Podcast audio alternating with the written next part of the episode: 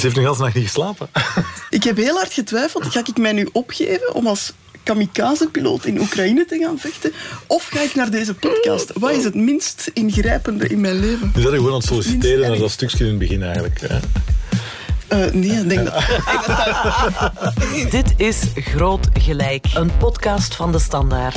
Waarin twee redacteurs debatteren over een hot topic. Ik ben Anne-Sophie de Keizer, ik ben reporter bij het Weekblad. En ik ben Peter de Lobel en ik ben politiek redacteur met De Standaard. De vraag die vandaag op tafel ligt. Is het geen tijd om de legerdienst weer te verplichten? Ik denk dat we die tijd al lang voorbij zijn eigenlijk. Ik denk dat het leger moet zoeken naar manieren om meer aan te trekken. Dat zeker. Ik ben Marianne Justaert. Groot gelijk dat je luistert. Dit is Groot Gelijk. Vandaag ontvang ik collega's Anne-Sophie de Keizer van het Weekblad en Peter de Lobel, die ondanks hun drukke agenda's de tijd hebben genomen om hier de degens verbaal te kruisen. Nu ja, we gaan het hebben over een kwestie die bij ons nog, nog niet op de regeringstafel ligt, maar in onze buurlanden, Nederland en Duitsland, staat ze wel al hoog op de agenda. De eventuele herinvoering of reactivering van de militaire dienstplicht. De dienstplicht? Nee, eigenlijk niet. De dienstplicht zozeer niet, denk ik. momenteel nog niet, zou ik zeggen. Want ieder Europees land heeft nog altijd een professioneel leger. Het is moeilijk, ik weet niet. Ze hebben ook eigen gezin, kinderen. Er zijn zoveel Russische soldaten ook aan het vechten tegen onze zin, omdat het een opdracht is die ook mee gezinnen en met kinderen zetten. Als uh, iemand uh, zelf wil, ja, maar toch. Vechten is niet altijd oplossing, hè? Moet het niet, maar het zou wel nuttig zijn, maar dan voor een kortere termijn. Ja. Dat heeft geen zin voor iedereen aan het vechten te zetten. we moeten gewoon die ene vent uitschakelen.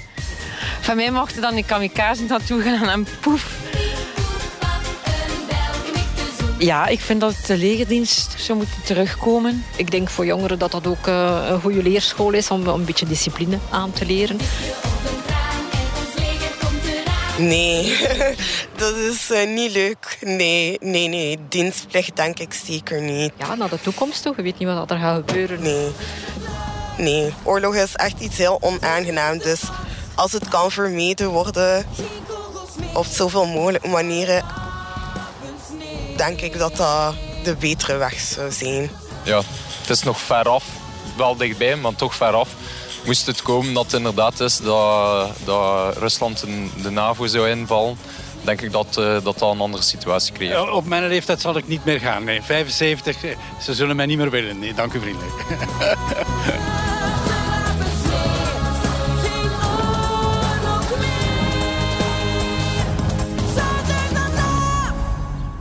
Ja, het is misschien wat gewaagd om hier K3 en uh, Like Me op jullie los te laten, terwijl hier vlakbij een oorlog uh, daadwerkelijk aan de gang is. Maar in C gaat het daar wel over. Hè? We kunnen van onze kinderen, onze jongeren, uh, zoveel soldiers of love maken als we willen. Stel dat we een dienstplicht invoeren, dan zijn het diezelfde kinderen en jongeren die we dan wel verplicht het leger insturen om zo nodig mee te gaan vechten. Ja, van een dienstplicht naar mee gaan vechten, dat is, uh, in, dat is wel een paar stappen die je daar uh, overslaat, uh, Marianne. Dus ik hoop dat het voor mijn kinderen zo snel nog niet zo ver is. Ja, het invoeren van een dienstplicht heeft natuurlijk wel een bepaald doel op, hm, voor ogen. En een leger, dat associeer ik dan toch met defensie, maar ook met offensieve acties en gaan vechten. Onze legers heten defensie net omdat we Zolang ook dat gedaan hebben. Hey, dat is een goeie. Ik heb daar nog nooit over nagedacht eigenlijk. Ja, maar elk defensief wapen kan ook offensief ingezet worden. Dat is ook waar. Nu, laat ons eens inzoomen op die dienstplicht. Hè. Die is in 1909 ingevoerd. Um, intussen hebben we twee wereldoorlogen gehad, maar in 1993 is hij weer afgevoerd. En twee jaar later is de laatste milicien afgezwaaid. Mijn eigen vader die kijkt terug op zijn legerdienst als de mooiste periode van zijn leven. Ja, heel veel miliciëns blikken echt wel positief terug op, uh, op die periode in de kazerne. Hè? Maar ik denk dat heel veel miliciëns ook niet veel gewend waren op het moment dat ze naar die kazerne mochten gaan. Dus als ze daarop terugblikken met, met de mooiste periode van mijn leven. En in speciaal, oké, veel gasten kwamen toen ook voor het eerst in het, uh, in buitenland misschien. Hè, uh, kregen daar een wapen. Het, is, is niet meer te vergelijken met, uh, met nu, denk ik. Dat je in contact kwam met, uh, ja, misschien met mensen waar je anders niet mee in contact zou komen, met, met andere groepen van de, van de bevolking. Uh, dat zal zeker wel iets, uh, iets Ja. gehad hebben. En de kameraderie komt dan wel zo terug. Ook het- een stuk natuurlijk zo, ja, die discipline. Of, daar werden ook wel bepaalde vaardigheden aangeleerd. Enfin, ik citeer nu eigenlijk eh, mannen op een, vanaf een zekere leeftijd die, die dan terugblikken. Hè. Ik ben verbaasd om te horen dat uw vader daar zo positief over is. Klinkt misschien aan mijn kennissenkring, maar ik ken eigenlijk alleen maar mannen die daarop terugblikken als een hele nutteloze periode. Ehm, veel verveling eigenlijk. Ook ja, gewoon gebral in de kazerne. Ja. Eh, en op zich is daar misschien niks op tegen, maar of we dat dan moeten gaan subsidiëren, dat weet ik toch ook Ja, niet. maar ik denk dat het, het beeld van, van gesubsidieerd 24 uur per dag op café zitten En patatten schillen. en dat patatten ook. schillen. Voilà, dus ik, maar ik denk dat je nu vooral kijkt vanuit de FC de kampioenen en fout strips. maar het was wel meer dan dat. In de discussie over de herinvoering van de, van de legerplicht, als die er komt, dan zal het niet in de eerste plaats daarvoor zijn. Hè, voor de eventuele kameraderie Nee, en, ja. en, en eh, eh, s'nachts over de muur kruipen bij het wachtlopen. En, en, eh, Ja. als je kijkt naar wat dat de miliciëns in de tijd vooral deden, ja, velen werden, werden ook naar Duitsland gestuurd. Hè. En je zat toen eigenlijk ook in een, in een zeer ja, statisch conflict, waar dat veel volk voor nodig was om daar, om daar in die kazernes te hebben en om daar, bij zo'n spreken, we kan op de, op de uitkijk te staan eh, voor, voor eh, Ja. mocht, het, mocht het gevaar eraan komen. Eh, Je zit nu in een, in een heel andere situatie wel, waarin dat de zaken ook weer terug op scherp komen door die oorlog die, die op dit moment bezig is in Oekraïne. Ja, en net dat heeft tot het debat geleid in Nederland, hè, als ik jou even mag onderbreken. En daar was het een defensiespecialist, Theo van den Doel, die in NRC eh, een schot voor de boeg loste. En die zei, eh, de Nederlandse krijgsmacht heeft meer aanpassingsvermogen, snelheid en voortzettingsvermogen nodig. We kunnen dat alleen maar bereiken als we de opkomstplicht, zo schreef hij, reactiveren. En die klus kan makkelijk geklaard worden. In vier weken kan het parlement daarmee rond zijn. Hoe zit dat hier? Die, die wet is, eh, is niet afgevoerd, die is, eh, die is opgeschort. Dus in principe kan je dat wel opnieuw activeren. Maar dan ben je er natuurlijk nog niet. Er komen wel nog een hele hoop eh, praktische uitdagingen bij kijken. Het leger op dit moment probeert terug in een, in een stijgende lijn te gaan in aantallen. En daar zie je al dat het moeilijk is om die grote aantallen die daarvoor moeten aangeworven worden, om die allemaal opgeleid te krijgen, om die allemaal uitgerust te krijgen en om die allemaal eh, te slapen te leggen, eh, dat soort dingen. Als je daar dan bovenop nog een eh, dienstplicht wil gaan doen, als je die eh, discussie wil voeren, dan weet je wel dat je daar ook voor gigantische uitdagingen en gigantische investeringen Ja. staat. Want op het moment dat die dienstplicht werd opgeschort, hè, dat systeem werd stopgezet, ja, het budget is toen ook gigantisch naar beneden gegaan, omdat er ook veel minder geld op dat ja. moment nodig was. Ik denk sowieso, hoe lang ga je dan dienstplicht hebben? Zes maanden of zo? Ja, wat kan je bereiken met iemand zes maanden op te leiden? Als je kijkt hoe oorlog vandaag wordt gevoerd, het, dat vergt heel specifieke vaardigheden. Dat, is een, dat zit vol Ja, met complexe hoogtechnologische zaak, ja. systemen, artificiële intelligentie, drones, killer robots. Ja, je, je leidt mensen daar niet in een vingerknip op om dat te gaan doen. Ja, dat is exact wat professor Delphine Resteigne mij ook zei. En zij is verbonden aan de Universiteit van Mons en aan de Koninklijke Militaire School, waar toekomstige officieren worden opgeleid. Ze maakt zelf al 22 jaar deel uit van het leger als burger en is een absolute autoriteit op het gebied van defensie. En ik heb met haar gebeld. Ehm, vandaag de dag eh, is een, een moderne leger eh, uitgerust met eh, vooral specialisten en, en wel veel minder generalisten zoals voordien. We hebben nood aan, aan een bredere profielen dan de traditionele profielen, bijvoorbeeld de, de gevechtsfuncties. En, en zelfs als we bijvoorbeeld naar de laagste uh, gevechtsechelon en bij de, de meeste klassieke eenheden, zoals de infanterie, uh, is er ook een zeer grote maat van specialisatie. Uh, vroeger had bijvoorbeeld elke lid van uh, een sectie, ongeveer tien personen dus, um, quasi hetzelfde wapen. En nu heeft elk lid een gespecialiseerd uitrusting. Scherpschutter, aidman, voor het toedienen van de eerste zorgen bijvoorbeeld. er is dus een, een zekere complementariteit tussen de verschillende profielen. En om terug naar je initiële vraag te beantwoorden, lijkt me dus zeer moeilijk om in een korte tijdsbestek van bijvoorbeeld een jaar dienstplicht alle uitrustingen, procedure, doctrine te absorberen. En uh, bovendien zou Defensie ook elk jaar terug van nul moeten beginnen met nieuwe miliciën. en een groot gedeelte van het reeds kleine beroepsleger zou dus quasi permanent eigenlijk bezig zijn met deze vorming van uh, de dienstplichtingen. Dat is effectief een groot verschil met vroeger. Hè. Vroeger, iedereen had zijn wapen. Die wapens waren ook een pak minder gesofisticeerd dan nu. Uh, nu voor sommige wapensystemen uh, ga je er met zes maanden zelfs niet komen voor de opleiding. Dus als je dat wil gaan doen, als je in die mensen wil gaan investeren, ja, dan hoop je wel dat ze niet na, na een dienstplicht van, van een jaar weer, weer weg zijn. Als je mensen opleidt, hoe zorg je ervoor dat ze nadien ook in het leger blijven? Want anders is het eigenlijk in zekere zin een beetje, het is weggegooid geld. Je, ja. je, je, pompt geld in een opleiding met al wat erbij komt kijken. We zijn ook niet gestopt met het systeem voor niks natuurlijk. Er was wel een reden, omdat het gewoon heel duur en onproductief was. Er, was een, er is een oud-kolonel die dat uh, een, een um, georganiseerde geldverspilling noemt. Ja, ja. Ja, uh, er was een berekening gemaakt hoeveel het zou kosten. En ik denk dat we... Veel. 10.000 euro per... Uh, ja, maar ik weet niet wat de exacte cijfers daar, daar rond zijn, maar, maar bon, het zou, wat dat zou, zou betekenen dat België eigenlijk 1 miljard per jaar moet uittrekken om die dienstplicht weer in te voeren.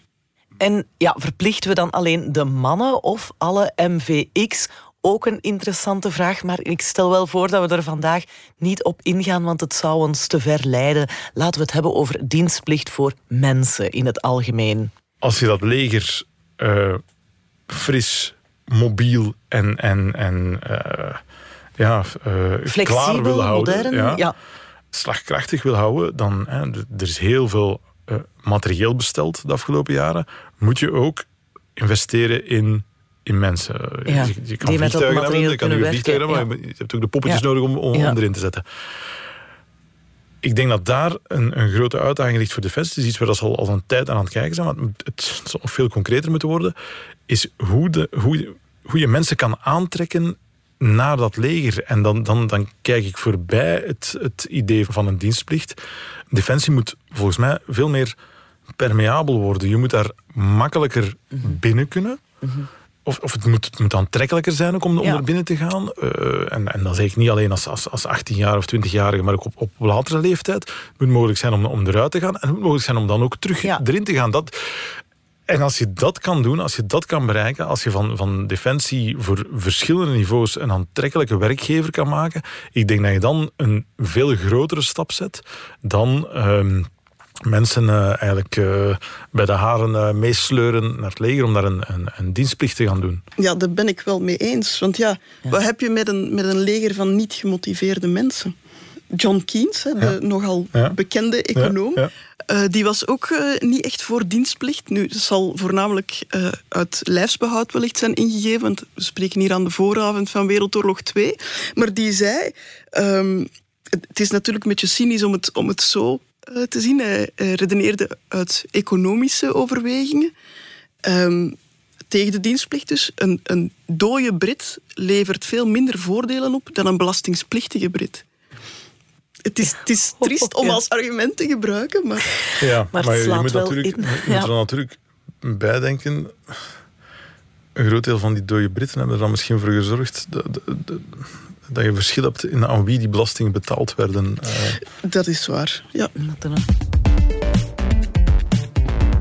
Aan de vooravond van deze oorlog, namelijk toen Rusland in 2014 de Krim heeft geannexeerd in Oekraïne, was dat voor de Zweden een wake-up call om ja, terug hun leger eigenlijk uh, te versterken en ook de dienstplicht weer in te voeren. Dus zij hebben het gedaan. In 2015 zijn ze begonnen met aankoop van uh, gevechtsvliegtuigen, onderzeeërs, lange afstandraketten. En in 2018 hebben ze de dienstplicht weer ingevoerd. Dus ja, het gebeurt wel nu. Zweden ligt natuurlijk wel uh, dichter tegen Rusland, maar... is ook een heel klein leger dat zij hadden. Hè. Eh, het is... Het is eh, ehm, ik denk dat het moeilijk te, te vergelijken eh, situatie is met, met België. Zit daarbij ook, ze zijn geen, geen NAVO-lid. Dus, dus ook daar is de situatie wel wat, uh, wat anders dan, dan bij ons, denk ik. Charles Michel was, was een van de Europese leiders, dus, dus voor hij Europees president werd als Belgisch premier, die toch snel die knop omdraaide en zei: we moeten wel relaties met Rusland onderhouden. We kunnen niet alleen uh, in, in, in termen van sancties met Poetin spreken. Natuurlijk, als je de andere kant zou bekijken, dan massaal gaan investeren in, in, in, leger en dienstplicht. Uh, als, je, als je op die manier de noodzaak misschien wat kan wegnemen, ja, dat, dat maakt het budgetair een stuk aantrekkelijker. Hè? Zeg, het moest natuurlijk weer lukken, maar VTM en het laatste nieuws hebben al ooit eens gepeild naar de vraag of we die legerdienst moeten opnieuw invoeren. In 2018 was dat, dus uh, in tempore non suspecto, zou Bart de Wever zeggen. Uh, maar raad eens, hoeveel procent van de Belgen denken jullie dat gezegd hebben van ja, die militaire dienstplicht moet opnieuw gereactiveerd worden? Goh, ik zou toch denken een minderheid. Ik, ik denk, denk meer dan de helft, maar ik denk misschien om de foute redenen. Ah ja, ja als, je zo, als je dat erbij ja, mag maar, zeggen. Maar, ja. vraag naar het cijfer. Hè? Ja, maar als je dan de vraag zou stellen... hoeveel procent van de Belgen wil uh, aan een conflict, een gewapend conflict deelnemen? Dat is weer iets anders natuurlijk. Maar dus ja, het klopte wel wat Peter zei. 65 procent van de Belgen vond dat een goed idee. Nu, opvallend meer in Wallonië. Het is een Ipsos-peiling, een online peiling, maar daaruit blijkt toch uh, dat 78% van de Walen voor de herinvoering zijn, of waren in 2018. En in Vlaanderen was het 58%. Dat vind ik toch veel. Ja. Maar op dit moment ook de cijfers van de, van de aanwervingen liggen ook veel hoger in, in Wallonië dan in, uh, dan in Vlaanderen. Ja. Uh, dus je hebt, je hebt Wallonië en Vlaanderen, als ik zo wat een, een 60-40 verhouding, maar dat, dat, in die aanwervingen is, is nu bijna, ja. bijna het omgekeerde. Ja, ja wat, wat is dan de reden waarom die mensen in die peiling hebben gezegd dat ze deel dat ze positief zijn over, een, uh, over, over, dienstplicht. Misschien is dat een, iets wat, een, een, behoefte die met andere middelen zou kunnen uh, ingelost worden. Ik denk bijvoorbeeld aan, aan een soort sociale dienstplicht, bijvoorbeeld. Een, een soort van, van uh, sociaal engagement dat dan eventueel verplicht wordt. Of ook gewoon een, een idee om, om meer cohesie in de samenleving te krijgen. Ja. Daar zie ik wel het voordeel van in. Maar dat kan dan bijvoorbeeld ook met zo'n meer maatschappelijk ja. engagement. Dat je, Zoals dat als, als Frankrijk wil invoeren in 2024. Hè? Ja, soort, om, om vooroordelen en discriminatie sociaal... tegen te gaan onder uw mm -hmm. eigen bevolking. Dus om... Mm -hmm. Ja. De Franse presidentskandidaat Emmanuel Macron heeft zijn plannen voor defensie uiteengezet. Hij wil dat Europa meer verantwoordelijkheid opneemt voor verdediging. Macron wil ook een verplichte legerdienst, een korte legeropleiding voor elke Franse jongere. Je souhaite donc, pour ce faire, que chaque jeune Français ait l'occasion d'une expérience, même brève, de la vie militaire. Un service national de durée courte, obligatoire et universel sera donc instauré. Het wordt soms ook geopperd als, maar dan vooral door, door iets wat oudere burgers, van, van het, het zou niet slecht zijn om ze terug een keer wat, wat discipline bij te brengen, de jongeren. En, en wat, uh, dan denk ik, ja, oké, um, misschien zou het niet slecht zijn dat ouders uh, hier en daar wat, wat meer opvoeding doen. Ja, dat dat niet door, door een leger moet, moet, moet overgenomen worden. Ik vind het ook lastig. Je hebt zo vrijheid van meningsuiting, wat dat eigenlijk een heel hoog goed is. Ja, wat is dan vrijheid van meningsvorming? Want als je dan onderdeel bent van het leger, dan kan Moet je wel... je de pensée uniek van defensie ja, voilà. volgen. Ja, mm -hmm. dan beslis je zelf niet meer voor waarvoor je je leven gaat riskeren, bijvoorbeeld. Om het nu in het ergste geval, in, in het geval van een oorlog, te stellen. En kies je ook niet aan welke, uh, ja, welke mening je hebt over dat conflict. Oh, dat is wel een uh, prikkelende gedachte, inderdaad. Ik denk dat je niet een, een leger kunt hebben zonder, zonder een hiërarchie daarin. Ik denk ook dat die hiërarchie al, al, al heel iets anders is dan dat ze vroeger was. Dat uh, die zwarte broek dat je aan hebt, die is wit. En ze is wit omdat ik zeg dat ze wit is. Mm -hmm. Niet ja. omdat ze zwart is. Ik denk dat we daar al wel een, een deel voorbij zijn. En, en, zeker in bepaalde onderdelen van, van defensie wordt net wel geapprecieerd dat dat er contestatie is van, van wat, uh, wat de chef zegt. Niet overal, Ja. maar dat inzicht is er wel, denk ik, van samen weet je in principe meer dan, dan alleen. Maar dan nog, je gaat altijd een hiërarchie moeten hebben en iemand gaat er, het, is, is een, het is een bevelstructuur, hè, dus iemand Ja. zal moeten zeggen, Ja, oké, ja, nu bevel doen we dat. is te bevelen, Ja. Wel, meestal zeggen ze dat niet in het Duits. in Duits eh, Terwijl ik het zei, besefte Ja, ik... Oei, voilà. het is erover. Zeg, Peter, zou jij een goede soldaat zijn? Manneke. Ik had een kakkie trui aan. Hup. Ik, ik, breng, ik breng al veel tijd door in het leger. ik ga het daarbij houden. Ja, maar journalist, als Ah, ik ben journalist. wat te sukkelen met mijn rug en mijn kuiten en alles. Platvoeten en... Ja, maar als je nu in Oekraïne zou zitten, zou je wel... Ja, je zou het land wel niet meer uit mogen. En ik denk dat verplichting om dan mee te vechten wel dichtbij is daar ook. Ja, dat is nu, nu zitten we nog een paar stappen verder dan een, dan een, een ding, hè, natuurlijk. Ja, ja. Het is ook... Maar ik moet is wel... ook knettergek, hè, dat eh, eh, geen enkele man naar het land uit mag. Ja, eh, ja. tussen bepaalde leeftijden. Dus, Maar het is wel, ik heb mij wel de vraag gesteld, zou, zou ik een goede soldaat zijn? Gewoon omdat je die mensen daar, die bevolking, ziet ineens gaat beginnen mensen daar cocktails te maken en zie je vrouwen met van die lange gelakte nagels met een trekker op een machinegeweer. Hoe zou, hoe zou ik denk er reageren? ik Dat- denk er altijd twee vragen zijn bij, bij iedereen die ooit zeker bewust die stap gezet heeft naar het leger. En dat is één, zou ik ooit in staat kunnen zijn om iemand neer te schieten? En, dat is nog moeilijker beantwoorden, denk ik, van, van zou ik bereid zijn om mezelf te laten neerschieten voor...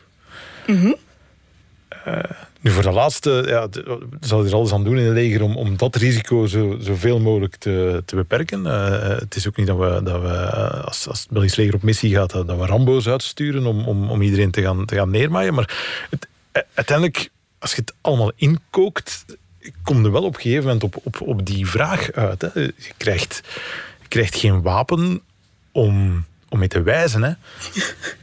Maar ja, Ja, Zeg, en wat is het verdikt, Anne-Sophie? Wel, ik ben vrij snel gestopt met mijn denkoefeningen, want ik kan er mij zelfs gewoon niks bij voorstellen. Zo ver is het van, van onze leefwereld eigenlijk. Kan er dan bij wijze van alternatief wel iets gedaan worden met de ploeg reservisten bijvoorbeeld? Eh, Dat zijn nu 1300 mensen die zo eh, een paar keer per jaar op de wederoproepingsdagen, heet dat dan, terug naar het leger gaan om zich eh, Ja, dus allee, hun, hun daar ik- aangeleerde skills wat eh, bij te scholen zeker. Peter en ik zouden dat ook kunnen doen eigenlijk. Hè? Ja, ja, ja. Dat het is, zijn gelijk wel, als verrassing, ik heb ons ingeschreven eigenlijk.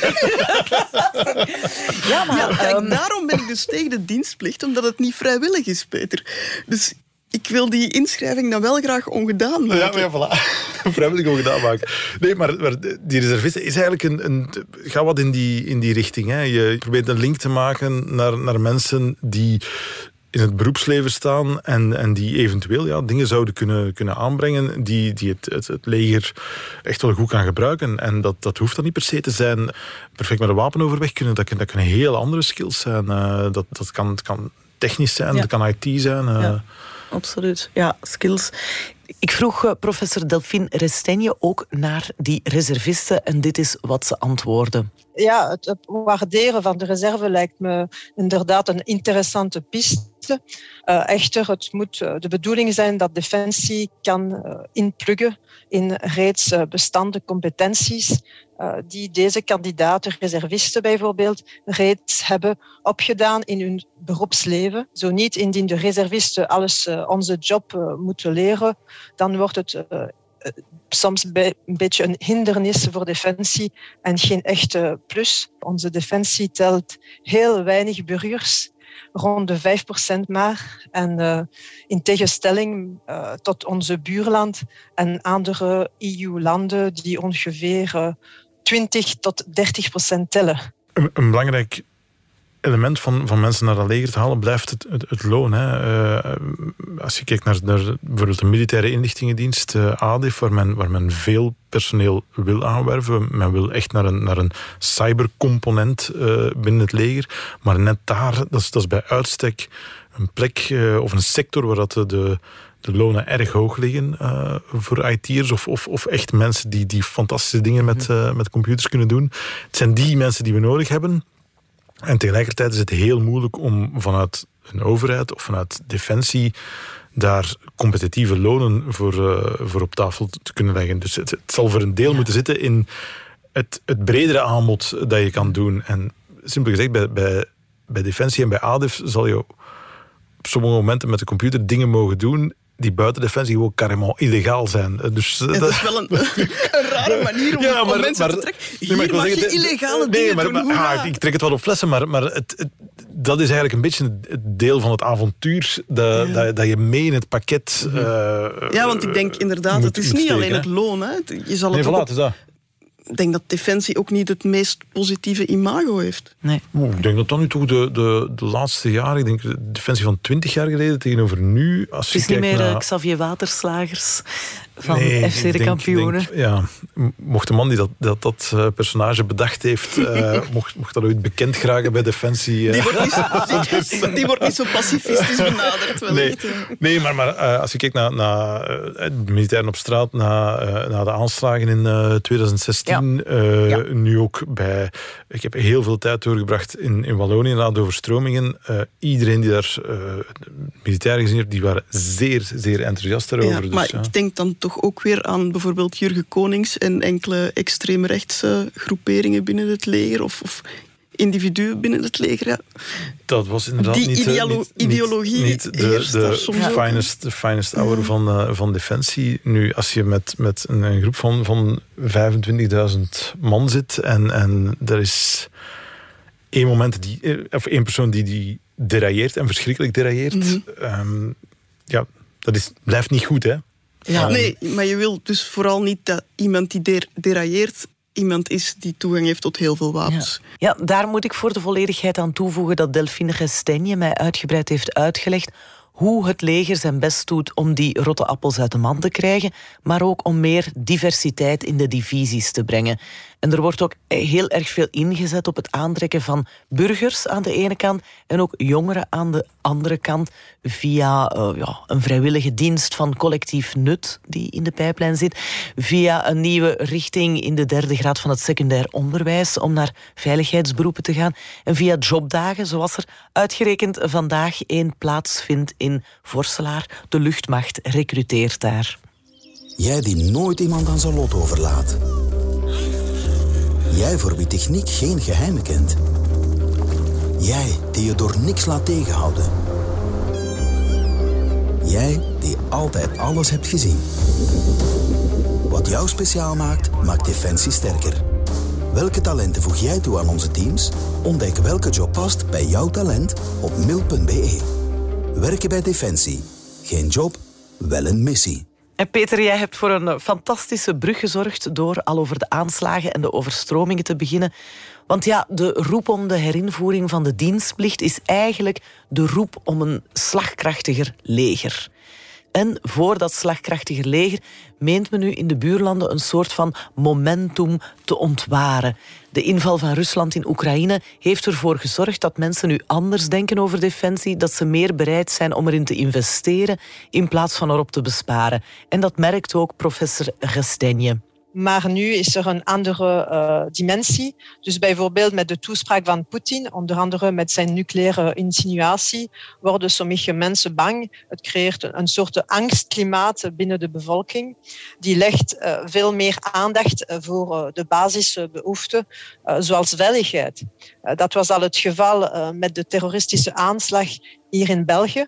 Maar het wordt nu echt heel expliciet en een gevolg daarvan is dat de mensen uh, dus nu uh, meer bereid zijn om bijvoorbeeld uh, meer te spenderen voor het defensiebudget omdat het een potentiële concrete effect kan hebben op hun dagelijkse leven.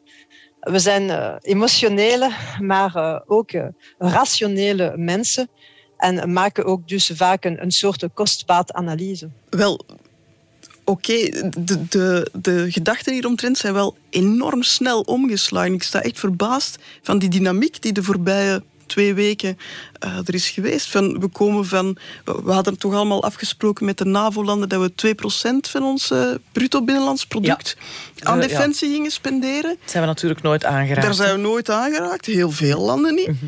En nu gaan we ineens helemaal mee in een oorlogsretoriek en een spierballengerol. Ja, ik vind het een, ja, laat ons onszelf toch ook niet laten meeslepen door. We moeten onszelf niet laten meeslepen door. Beetje steekvlampolitiek. Allee, goh, die termen klinken hier ja. zo misplaatst. Er, er stonden, al, stonden al extra investeringen in, in, uh, in defensie uh, gepland. Hè. Die, die discussie over de 2%, is dat haalbaar of niet? Dat, dat nog even terzijde. Uh, dat, daar zitten we inderdaad nog lang niet. Maar als je kijkt naar de discussie van een aantal jaren geleden, toen, toen de beslissing moest genomen worden om, om de gevechtsvliegtuigen te vervangen, ja. Oh ja. toen hoorde je, ja, de toen hoorde je bij, bij verschillende fracties in het parlement van wij hebben helemaal geen gevechtsvliegtuigen nodig in België. Waarom hebben wij dat nodig? We zitten in de NAVO. Dat, dat, dat is toch nog... Ik heb dat eigenlijk nooit begrepen. Als je, als je in, in België... Eh, je mag niet vergeten, de NAVO zit hier in Brussel. De Europese Commissie zit hier in Brussel. Je, alleen daarmee al kan je het je niet permitteren om je luchtruim niet te kunnen verdedigen. Ja, maar nu, het leger, daar zijn we denk ik wel over eens, was door die jaarlange besparingen ehm, ja, geworden tot iets... Het stelde niet veel meer voor. Hè? Jij schreef zelf van uh, nauwelijks een leger die naamwaardig... Ze zaten op hun tandvlees, ja, ze zaten echt op hun tandvlees, dat is wel waar. Ja, ja. ja. wel, dat bedoel ik ook met dat imago. Er, er gaan dan verhalen van, ja, bij oefeningen moet bespaard worden op munitie, hoor, want we hebben al zo weinig. Ja, maar dat is inderdaad een, een, een gevolg van de jarenlang... Als je die grafiek bekijkt... Uh, nu zit daar een knik in, maar die knik zit wel helemaal rechtsonder op de grafiek. En we komen van linksboven. Hè. Dus dat wil zeggen dat ze, ze schuin en stijl naar beneden gegaan is. Ja, Tientallen jaar jaren. Lang, uh, ja. En nu komt daar, komt daar een knik in, maar ook uh, wat, wat er nu geïnvesteerd wordt, moet je niet flauw over doen, is voor een groot deel nog maar een inhaaloperatie voor een leger waar heel lang makkelijk op bespaard is. Dat mhm. heeft natuurlijk allemaal zijn, zijn tijd nodig. Het is niet in een vingerknip dat je plots voor al die soldaten een, nieuw uh, een nieuwe uitrusting hebt en dat, dat je nieuwe voer, vaar en, en, en vliegtuigen er zijn. Nou, dat zal een miljarden operatie kosten. Hè. Dan Tuurlijk, ja, mag je niet aan denken wat we nog allemaal met dat geld kunnen doen. En waar we dan op moeten gaan besparen als we het geld daaraan spenderen natuurlijk.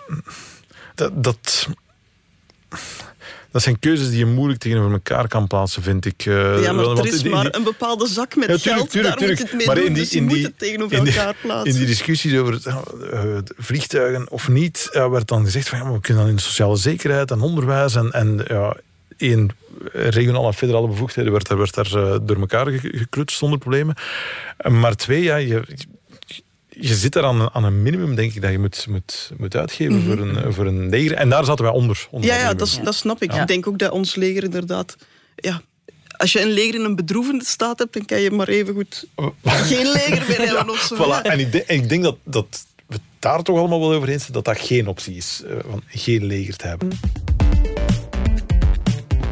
Uh, ja, wat moeten de prioriteiten zijn van een leger op dit moment? Van een leger uh, waar meer in geïnvesteerd zal worden? Er zijn veel investeringen gepland in vliegtuigen, eh, voertuigen, schepen, drones, noem maar op. En wat er nu bij komt, wat, wat minister Donder heel hard, waar ze heel hard op inzet, is personeel. Haar eerste plan heette POP, People Are Priority. En het tweede plan, en ik moet eerlijk zeggen, ik, ik kom er niet meer op wat de letters allemaal betekenen, maar is dan star. En ze vond het dan wel leuk dat je dan popstar had. Pop, pop en niet pop? Want ik zou people, are priority? Nee, nee, het is are, onze, onze. Mensen zijn onze, ah, uh, ja, okay. onze prioriteit. Ja, STAR um, staat uh, trouwens voor Security, Technology, Ambition en Resilience. Ik heb het ook moeten opzoeken hoor. Bodden, er wordt dus geïnvesteerd in, uh, in personeel. Net om wat het leger de voorbije jaren heel veel gedaan heeft in België. Die beveiliging in uh, grote steden. Dat helpen bij, bij uh, de, de, de, nasleep van de overstromingen in, in Wallonië. Dat zijn dingen waar, waar zij van vindt dat het, het, het leger meer van dat soort hulp aan de natie ja. moet kunnen bieden. Ja. Nu, bon, dat is een ander, een ander leger dan een, dan een, een Dat is volledig niet- bewapend ja, leger de dat, is, tegen, ja, tegen de Russen dat eh, gaat opnemen. nee, nee, nee, nee, dat dat is is de- in Oekraïne Ja. gaat Zeg, de en strijd wat, wat wil de natie zelf, is dan de vraag. Zoals altijd in Groot Gelijk trokken wij de straat op om dat eens te gaan ontdekken. Ik kijk ook met, met, met grote ogen naar van wat dat er boven ons hoofd hangt eigenlijk. Ja. Als je moet eh, terug militairen eh, oproepen en, en vormen, dan moet je meer geld in investeren in defensie. Als je ziet wat dat er gebeurt. eh, ja, Meer geld. Ja. Wel. Met de dreiging van Rusland zou ik in principe zeggen van wel een beetje, maar... Dat eh, hoort erbij, ja. Nee, er is altijd wel een of andere dreiging in de wereld. Dus Ja, ja, dat is nu inderdaad wel... eh, momenteel is het nog ver af, maar dichtbij. Maar eh, ik denk dat we ons toch moeten voorbereiden. Moest het eh, dichterbij komen, denk ik dat dat inderdaad wel ook een van de punten is die, eh, die aan bod moet komen. ik denk dat het geld aan andere dingen kan besteed worden die meer eh, ja, leiden tot samenkomen in plaats van defensief op te stellen. Eigenlijk geloof ik wel meer in diplomatie. Maar aan de andere kant heb je natuurlijk ook wel een sterk leger nodig om staten gelijk Rusland af te schrikken. Ja, ik begrijp wel de noodzaak eh, aan meer eh, slagkracht. En ik snap ook wel dat we, we zijn, we ons de voorbije decennia wel heel hard de hand boven het hoofd laten houden door, door de VS en ons heel hard verschuild onder hun militaire paraplu. Maar anderzijds, ja, als ik het hoor, als ik jou hoor zeggen, meer gevechtsvliegtuigen, meer raketsystemen, ja, je weet, als die gaan ingezet worden, is er maar één zekerheid, namelijk meer doden. Ja, dat... De vergelijking wordt deze dagen vaak gemaakt met een, een verzekering. We betalen elk jaar allemaal zeer veel geld aan heel veel verzekeringen. Voor van alles en nog wat. En eigenlijk is een leger is ook een soort van verzekering. Mijn, mijn verzekering hoopt- gebruikt hoopt- geen machinegeweer. Maar dat je hoopt niet nodig te hebben. Maar je kan niet zonder. De, dat, dat, dat de Oekraïne nog niet volledig in Russische handen is, heeft met verschillende dingen te maken. Eén, met, met eh, een hoop misrekeningen eh, in, het, in het Kremlin, denk ik. Twee, de, de eh, vastberadenheid van, van de Oekraïnse bevolking. Maar drie, ook met het Oekraïnse leger. Als je dat niet hebt, is snel game over, denk ik. Nee, akkoord, maar waar, waar eindigt het? Het is toch vrij complete waanzin eigenlijk dat, dat ja, Rusland 6000 kernkoppen heeft, Amerika net ietsje minder. Ehm, wat dan, als dat allemaal zou gebruikt worden, goed is om, als ik mij goed herinner, twintig keer de aarde mee te vernietigen. Waar zijn we in godsnaam mee bezig? Dit is, dat is toch een absurd idee dat wij technologieën ontwikkelen om onszelf maal twintig de ondergang Ja, te in te vernietigen. drijven. Ja, laat ons eens inzoomen op dat argument pacifisme, wat jij zei, Anne-Sophie. Oorlog escaleert altijd maar, dus militaire eh, oplossingen kunnen nooit de oplossing of nooit de enige oplossing zijn. Wij stelden op de website van de Standaard de vraag, of het was eigenlijk een stelling die we daar lanceerden, en die stelling luidde: na de inval van Rusland in Oekraïne kun je niet langer pacifist zijn. Wat denken jullie? Hoeveel mensen waren het daarmee eens in procenten? Hè? Dus Mm. na de inval kun je niet langer pacifist zijn. Ja, het pacifisme heeft nu wel aan credibiliteit verloren, vrees ik. Ehm, hmm. Ja, ik denk dat, dat we daar ineens dus een enorme switch hebben gemaakt en, en dat pacifisme laten varen. Ehm, Ik, ik denk dat een meerderheid akkoord zal gaan met het. Je kan niet langer pacifist zijn, maar het zal, het zal geen grote meerderheid zijn, denk ik. En jij denkt wel een grote meerderheid. Hm, ik denk gewoon, had je die vraag een maand geleden gesteld, eh, dat de resultaten werkelijk compleet anders zouden zijn.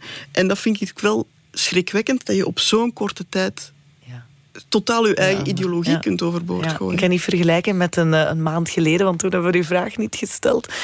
Ehm, maar ehm, ja, het was toch nog wel verrassend dat het eigenlijk wel een 50-50 was. Ehm, ongeveer 46% was akkoord met die stelling en 54% was niet akkoord met die stelling. En dit waren zo ongeveer de argumenten van onze lezers voor en tegen. Pacifisme is een eerbaar en waardevol doel. Het is echter een uitermate zwak en naïef middel in situaties waar een agressor met geweld en leugens een doel wil bereiken. Zolang niet alle wapentypes geregulariseerd zijn via internationale verdragen tussen alle landen, is het niet mogelijk en moet je over voldoende wapens beschikken om je tegenstander op zijn terrein te houden. We mogen onze manier van denken en doen niet verliezen en dezelfde tirannie die we veroordelen achterna gaan. Pacifisme is een morele plicht.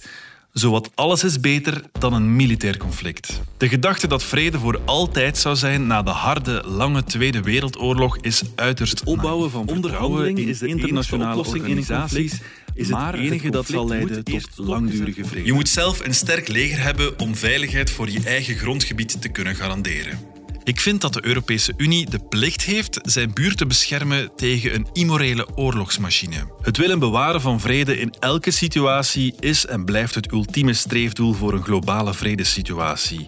Maar men zou elk conflict zo pacifistisch mogelijk moeten benaderen om zo stilaan naar een planeet te werken waar er geen onnodig fysiek geweld wordt toegepast.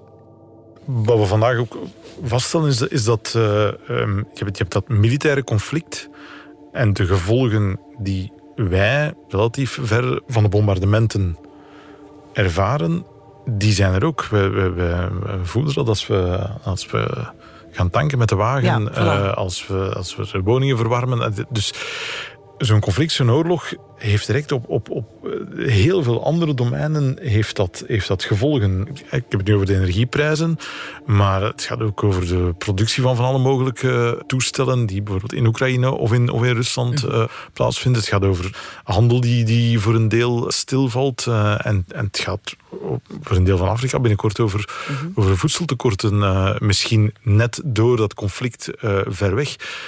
En dan kom je altijd op datzelfde punt terug van, van ja, maar hebben Ja. we een leger nodig? Maar is het feit dat de impact groot is en op meer terreinen te voelen is eh, een argument om te zeggen we hebben zeker een leger nodig? Want ik hoor de pacifisten ook wel zeggen van kom aan, diplomatie, eh, ja, andere wegen zoals de economische sancties Ja, maar we moeten daar. ook niet, niet denken, dit conflict komt niet uit de lucht vallen. hè. Poetin is al twintig jaar bezig met eh, gebieden eh, te, te destabiliseren aan, aan, aan de rand van Europa. En nu doen we ineens, oeh, er is een oorlog. Nee, er is al, twintig- er is al acht jaar lang die oorlog eigenlijk. Ja, maar niet, niet, niet, op, niet op deze manier. Nee, hè. niet op deze er manier, inderdaad- maar we hebben het allemaal laten gebeuren. En ondertussen zijn we mee op de foto gegaan met Poetin. hè. We hebben on- de staatshoofden eh, net, het Kremlin net, van, bezorgd. net vanuit die diplomatie en sancties, want er zijn al heel lang sancties tegen Rusland. Herinner u de, de, de, de, peren destijds uit? ja. oké, maar dat, oké, dat, is maar, dat is maar één element, maar het maakt, maakt het wel, wel zichtbaar. Ja, maar je had en tegelijkertijd zeg je dan misschien op, een gegeven eer- moment... eerder ja, strenger moeten niet- inzetten. Als, als, als Rusland daar nog zit, op een gegeven moment ja, gaat het stof wel liggen en moet je toch een manier zoeken om met zo weinig mogelijk inzet van, van, van wapens en van legers de zaak te proberen kalmeren. En, en dan zoek je naar een, een evenwicht wat, wat voor Oké, beide maar we kanten zijn dus in, is. in zonder, het zonder voorbije decennium wel steeds afhankelijker geworden voor ons gas, bijvoorbeeld. Ja. dat was toch Dat- niet echt de meest strategische stap. Bon, ik heb dat niet zelf bedacht, die term. Iemand vertelde het mij onlangs. eh, er speelt eh, eh, soms op de regering wat geopolitiek analfabetisme. Of- Oké, mooi. Ja, ja. Nee, maar het betekent wel concreet dat wij daar ook die, die oorlogskas hebben gespijsd en nu ineens uit de lucht komen vallen van oeh, die, die wapens die eigenlijk... Hè, die Ja, dankzij ons zijn toch, aangekocht kunnen worden, die, lang- die gaan nu ja, ja. Op, Ja. Onze, op onze kop vallen. Dat is net waar, waar dat men nu eh, in, in heel veel haasten tegelijkertijd probeert uh, gigantische uh, inhaalbewegingen te ja, doen. Hè. En opnieuw uh, moet ik even onderbreken om heel uitgebreid in te gaan op de niet-militaire alternatieven, zoals diplomatie, economische, financiële sancties of het weren van Rusland op internationale events. Hebben we hier vandaag ook helaas geen tijd. Maar we onthouden wel dat de pacifisten een heel arsenaal aan andere wegen naar voren schuiven. Niet-militaire alternatieven dus. Maar als je het over dat pacifisme hebt, je mag niet vergeten, we hebben nu wapens naar de Oekraïners gestuurd, uh, FNC's van uh, een, een, uh, een, wapen dat de Belgische militairen, militairen lang gebruikt hebben uit de wapenfabriek in Herstal. Ja, onze grote fabriek nationaal. Ja, vlakbij Luik. Die is over de hele wereld bekend. Dat zijn topwapens. En vaak zie je ook daar zo het, uh, het dubbele van die, van die pacifistische uh, houding naar boven komen. In Wallonië wordt er ook heel anders naar gekeken, hè, want die, die, dat bedrijf is, is volledig in handen van de, van de Waalse overheid. Uh, dus daar hebben ze altijd een beetje een ambiguë houding van ja, we willen niet dat het in, conflicten gebruikt wordt, maar tegelijkertijd is wel een, een, een wapenfabriek. Ja, als je wapens uitvoert, dan kan er wel eens gebeuren dat het. Om... Ja, ja, voilà. Uh, die, ja. gaan wel, die gaan wel gebruikt worden hè, op, op, op, op gegeven moment. Dus, dus daar zit soms wel wat, wat, uh, wat hypocrisie in, vind ik, in, de, in die uh, pacifisme-pleidooi. Niet alleen die gaan gebruikt worden in, in de oorlog, maar ook die wapens als het conflict ten einde is, niet ineens in rook opgaan. Hè. Het, zijn, het zijn wapens die bij ons afgeschreven werden, die uitgefaseerd werden en die normaal gezien voor de schroot voorzien waren. Dus die gaan inderdaad niet terugkomen. Dus de vraag hoe lang dat ze kinderen nog in omloop gaan blijven. Ja. Hmm. Maar dan ga je er al vanuit dat het conflict spoedig zal beëindigd zijn. Ik, ik denk nee, nee, nee, nee. dat ons dan ik ben op, hopen, ja. uh, op vijf jaar of zo aan het ja, denken. Ik denk dat ze eerst nog in het conflict gaan gebruikt worden. Nee, nee, uiteraard, uiteraard. En als, ja, voorlopig uh, leveren we slechts wapens. Maar de vraag rijst natuurlijk ook, hè, en zeker als onze defensie wordt uitgebouwd of op korte tijd meer zal worden dan het vandaag is. Maar moeten we op een gegeven moment, of kunnen we op een gegeven moment ook mee militair tussenkomen? Dus eigenlijk mee gaan vechten. Hè? En ik heb dat ook gevraagd aan professor Delphine Resteigne van de Koninklijke Militaire School. Spijtig genoeg heeft een oorlog steeds een escalerende dynamiek. En uh, ik zal zeker nooit pleiten om een conflict alleen maar met militaire middelen op te lossen. Maar in de huidige situatie, Oekraïne helpen zich te verdedigen zonder, de, zonder dat het conflict escaleert in de regio, lijkt me wel de right things to do. Alleen maar vanuit een menselijke kant. Die burgers zijn slachtoffers en, en dat is vreselijk. En de Europese staat, waaronder België natuurlijk, moeten dus hun bijdrage tot de verdediging van de NAVO opvoeren met politieke en militaire uh, middelen. Niet mee gaan vechten, dat is niet. Eigenlijk uh, Oekraïne helpen te, te verdedigen. Dus het is eigenlijk een meer indirecte steun. Het is belangrijk wat ze daar zegt, de nuance. Hè? Ze spreekt over de NAVO. Dus dat België meer kan doen binnen de NAVO. En op dit moment, de NAVO is, is daar geen uh, betrokken partij in het conflict en doet eigenlijk ook zijn best om er, om er ja. buiten te blijven. Omdat ja. eens de NAVO erbij zit, ja, dan zijn alle NAVO-landen betrokken. En dan, dan, ja, ja. dan, spreek je over, dan kan je wereldoorlog uh, uh, zeggen. en op dit moment, binnen die NAVO...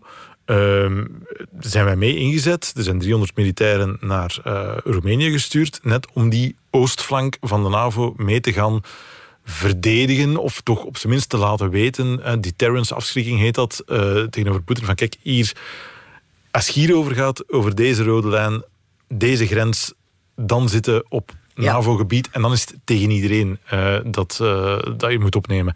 Um, maar zelf nu naar Ginder gaan of, of daar gaan, gaan tussenkomen in het conflict, dat is niet iets wat, uh, wat nu voor België aan de, aan de orde is. Maar de EU gebruikt ook wel stevige termen. Hè?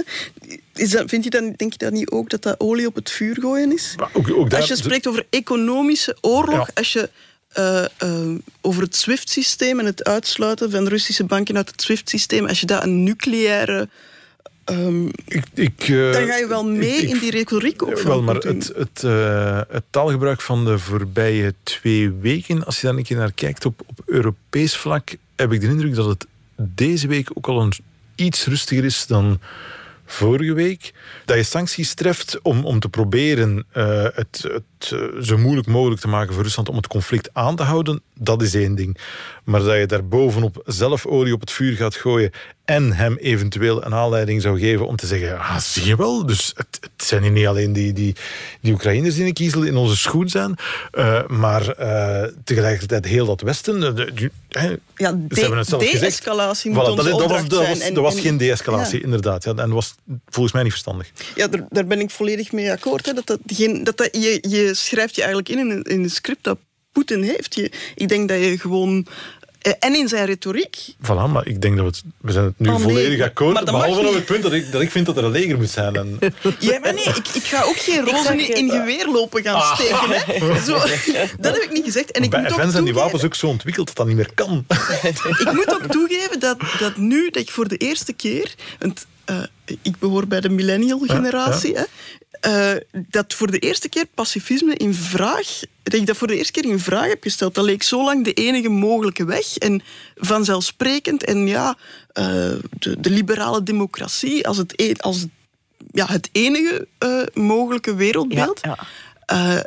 en nu komt dat wel aan het wankelen. Ik sprak onlangs met Ulrike Franke, die mm. um, voor, een, voor een denktank over uh, internationale uh, relaties werkt. En zij is wel veel strijdkrachtiger dan ik.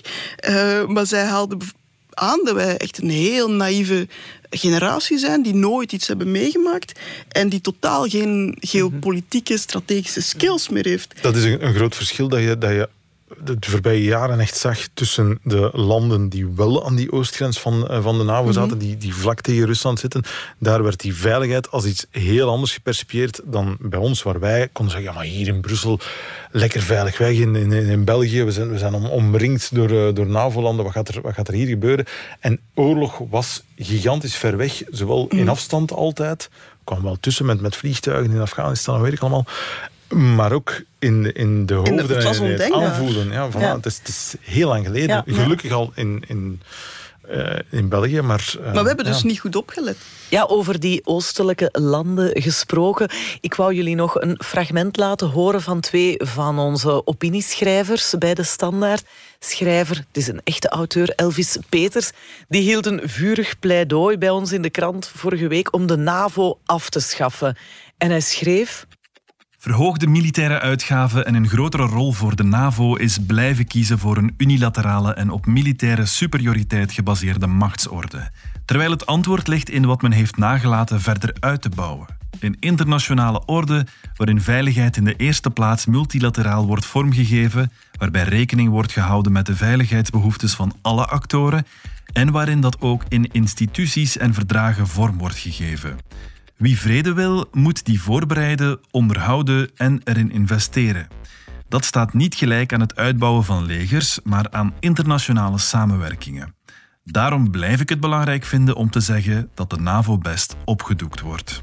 Ja, daar kwamen natuurlijk heel wat reacties op. En een van die reacties kwam van uh, hoogleraar Luc van Doorslaar. En die woont al een paar jaar in Estland. En dat ligt dus veel dichter bij Rusland, is een van die oostelijke landen.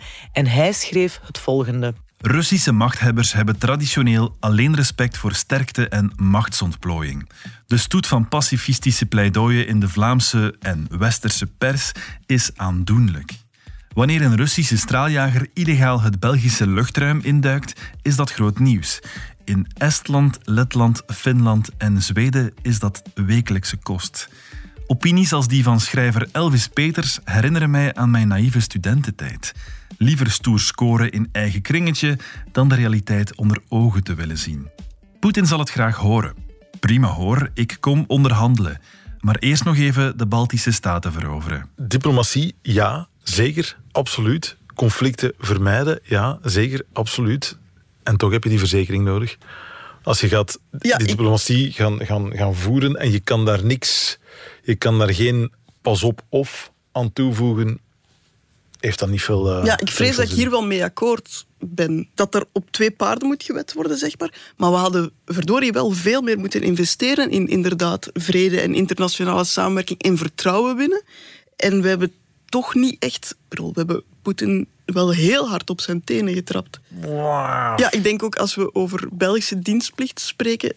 dat we wel heel kleinschalig aan het denken zijn en dat dat niet meer is wat de wereld momenteel, ehm, hoe de wereld momenteel functioneert. Ik denk dat een, een leger, dan moeten we echt wel aan een Europees leger denken. We zijn hier wel over grootmachten aan het spreken. Ja, Anne-Sophie, jij bent niet de enige die voor zo'n Europees leger is. Zo bleek tijdens onze straatinterviews.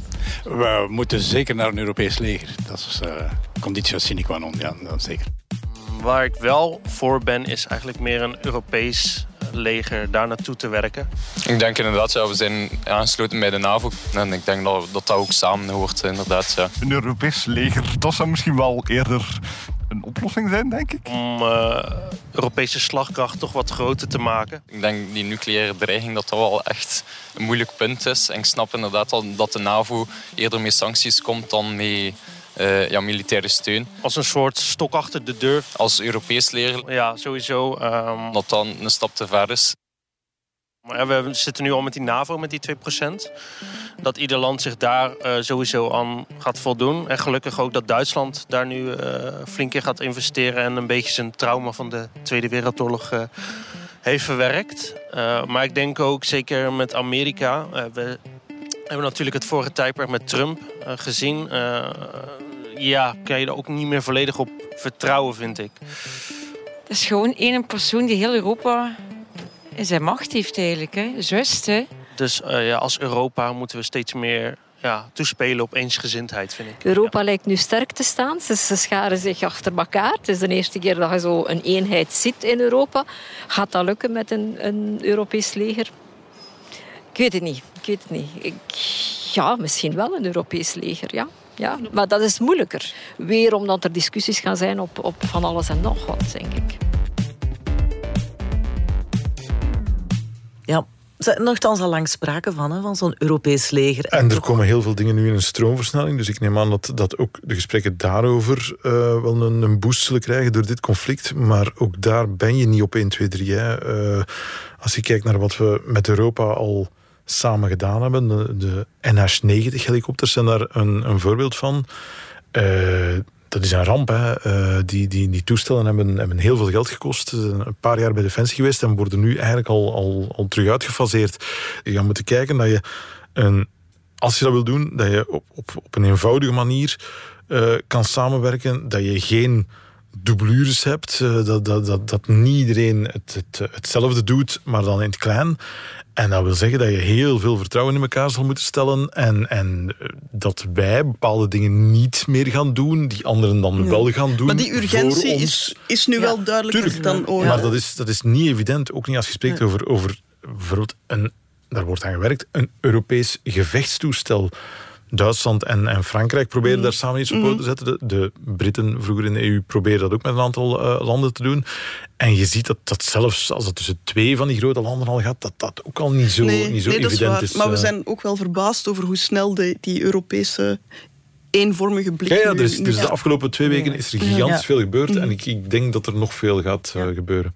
Uiteindelijk uh, stellen landen hun materieel, hun mensen ter beschikking. En dat is het grootste obstakel. En dat uh, bij een mogelijk conflict eigen soldaten, ouders, vrienden, vaders, moeders, kinderen van iemand sneuvelen. En ook dat eigen zeer duur en kostbaar materiaal uh, vernield wordt. Dus uh, sommige operaties in het verleden waren misschien ook niet echt Europees genoeg. Uh, en leken soms eerder een nationale agenda te dienen. uiteraard zijn er dan EU-lidstaten die aarzelen om erin te stappen. De landen hebben ook niet veel reserves. De huidige legers zijn namelijk vrij, vrij, klein. Momenteel iets meer dan 27.000 mensen binnen de Belgische Defensie.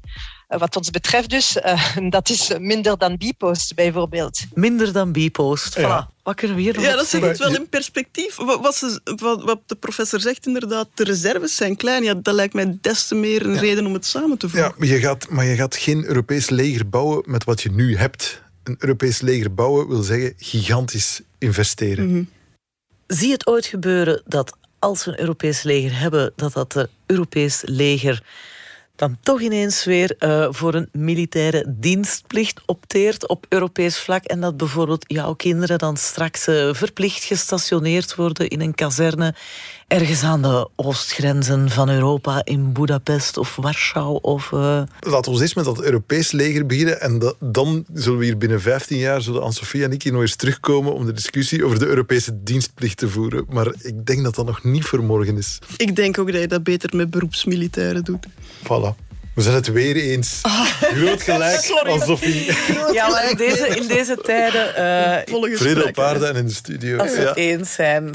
Maar Anne-Sophie, Peter, heel hartelijk bedankt. En tot de volgende keer. Dank je. Alsjeblieft. Dit was Groot Gelijk, de tweewekelijkse debatpodcast van De Standaard. Bedankt voor het luisteren. Je mag altijd reageren, graag zelfs op podcast.standaard.be. En ook nieuwe ideeën zijn daar heel erg welkom. We zijn er terug op dinsdag 29 maart. Tot dan.